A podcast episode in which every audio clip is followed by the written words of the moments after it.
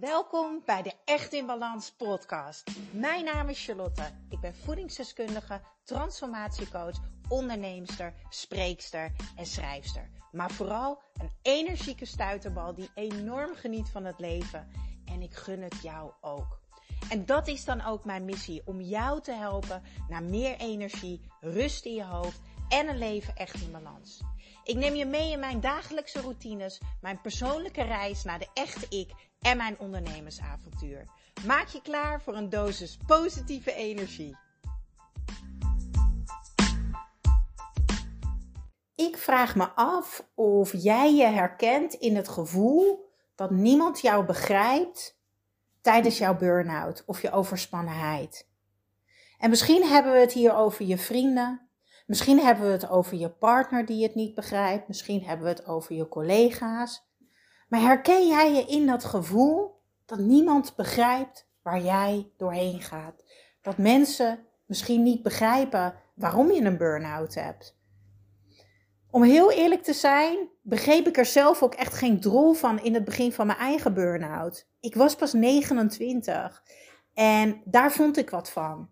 Um, ik dacht, 29 heb je toch geen burn-out? Ehm, dat is toch raar?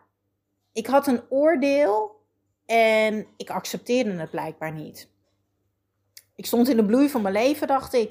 Ik heb een leuke vent, ik heb super lieve familie. Ik heb hartstikke leuke vrienden, zoveel om dankbaar voor te zijn. Ik heb een eigen bedrijfje wat ik gestart ben. Ja, ik had niet het gevoel dat ik zoveel meer deed dan andere mensen. Dus eigenlijk snapte ik niet waarom ik burn-out klachten had. Ik wist niet beter, want dit was mijn waarheid op dat moment. Mijn waarheid was dat ik dacht dat het allemaal normaal was. En achteraf was dat natuurlijk helemaal geen waarheid. En dan komen dus die goed bedoelde vrienden of die collega's of misschien wel jouw partner met onhandige opmerkingen. Ik weet nog wel dat iemand tegen mij zei: Ja, maar ik ben toch altijd veel drukker dan jij? En het gevolg van deze opmerking was dat ik emotioneel weer brak. En ik heb wat afgehuild in mijn burn-out. Ik zat weer in een hoekje te huilen. Want wat gebeurde er in mij? Ik voelde me niet goed genoeg. Ik voelde me niet gezien. Het voelde alsof ik faalde. Ik had totaal geen controle over hoe ik wilde leven en hoe ik me wilde voelen. En dat maakte mij intens verdrietig. Ik ging in mijn burn-out door verschillende fases heen. En ik zie nu in mijn Echt in Balans traject heel duidelijk deze fases ook terug uh, bij de mensen die ik coach. We hebben als eerste de ontkenningsfase. Dat is eigenlijk mijn verhaal wat ik je net vertel. Hè. Ja, maar burn-out, nou, het zal me wel meevallen. En ja, nu voelt het wel even heel erg, maar hè, het wordt allemaal wel beter. Want zo druk was het nou toch ook weer niet. Je bent eigenlijk jezelf aan het saboteren. Je bent nog niet wakker. Dan hebben we de tweede fase en dat noemen we de slachtofferrolfase. Je zit vast in je verhaal. Uh, en heel overdreven, overdreven gezegd, zo is het dus niet precies. Ja, ik ben zielig, ik heb zoveel meegemaakt, het is zo zwaar. Dus bijvoorbeeld mensen die uh, heel erg blijven hangen in het verhaal. Ja, maar ik heb zo'n zwaar jaar gehad. Want mijn relatie ging over. En die is overleden. En ik heb trauma. En ik heb dat. En je zit zo vast in dat verhaal. Dat je niet verder komt eigenlijk. Je zit vast. En je hebt ook het gevoel dat er geen licht is aan het einde van de tunnel.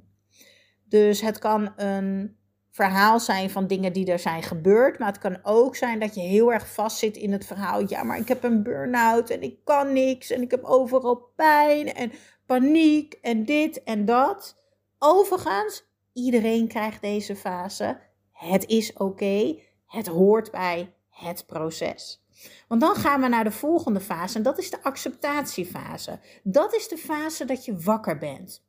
Je bent in deze fase bereid jezelf aan te kijken. Eigenlijk jezelf aan te kijken in de spiegel. Hè? En je pakt verantwoordelijkheid voor het resultaat wat je zelf hebt gecreëerd. En ik weet dat dat super confronterend klinkt. En vooral in de eerste en tweede fase kan je dat niet handelen, het duw je keihard van je af en dat hoort er ook bij. Maar de reden dat jij in een burn-out bent gekomen, is niet door alles wat je hebt meegemaakt of alles wat jou is overkomen in het leven. Het is een combinatie van dingen die zijn gebeurd, maar vooral hoe jij ermee bent omgegaan, hoe jij ernaar hebt gekeken, hoe jij erover hebt gedacht en hoe jij voor jezelf hebt gezorgd. De keuzes die jij voor jezelf hebt gemaakt. Het stukje zelfcare. Nou, als je dus in die fase zit van acceptatie, dan start jouw herstel.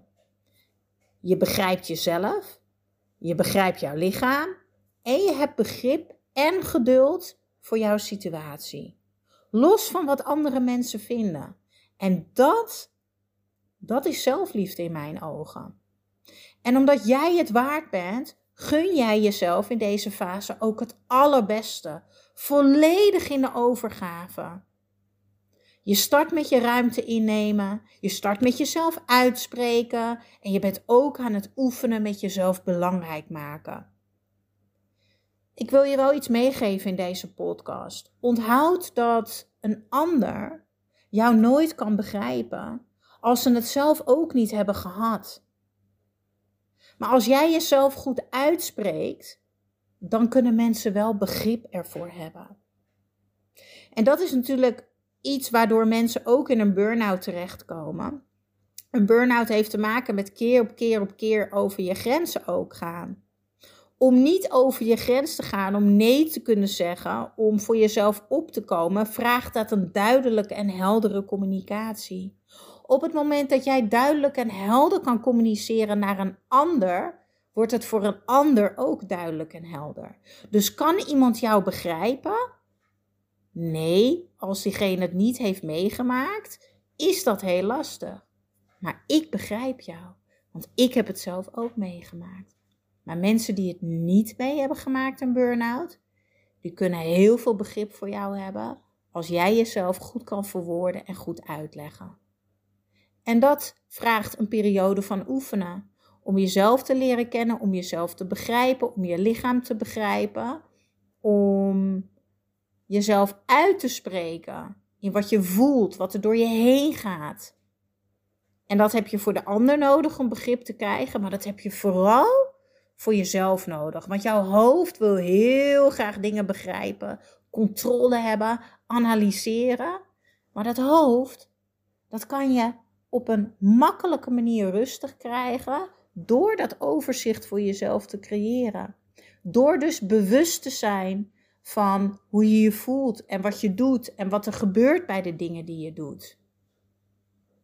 Ik ben eigenlijk wel heel benieuwd als je luistert waar jij je op dit moment bevindt, in welke fase jij zit. Zit je nog helemaal in het begin? Zit je in de ontkenningsfase, in de confronterende fase? Zit je in de slachtofferrol? Zit je al in het stukje acceptatie of zit je al vol in het herstel? Ik ben benieuwd. Ga me volgen op Echt in Balans op Instagram. Dan kan je me ook een berichtje sturen. Ehm, laat het weten. Ik ben benieuwd. Ik wil graag met je verbinden. En ik wil je nog één ding meegeven. Ehm, mensen die tegen jou zeggen, hè, opmerkingen maken, die jou raken over jouw burn-out of over jou, besef je ook dat het raakt iets in jou. Dus het is ook iets waar jij onzeker over bent. Een voorbeeld. Stel iemand zegt tegen jou: uh, Ben je nou alweer moe? Ik snap niet zo goed wat er aan de hand is. Wat is er dan? Bijvoorbeeld. Hè? Mensen kunnen soms een beetje lomp zijn. En dat raakt jou. Dan is dat omdat jij nog niet volledig content en oké bent met hoe jij bent. Stel iemand zegt dat tegen mij, nu op dit moment, de persoon wie ik nu ben, zou ik zeggen: Ja, ik ben alweer moe. Want dit en dit en dat. En dan maakt het mij niet uit wat de ander daarvan vindt, want ik weet dat het zo is en het mag er zijn. Maar toen in mijn periode van mijn burn-out, als mensen dat soort dingen tegen mij zeiden, klapte ik helemaal dicht en werd ik enorm geraakt van binnen. En waarom? Omdat ik ook dingen zelf over mezelf dacht. Oh ja, ben ik weer moe? Ja, is dit dan raar? Word ik dan niet beter? Waarom hebben andere mensen dat niet?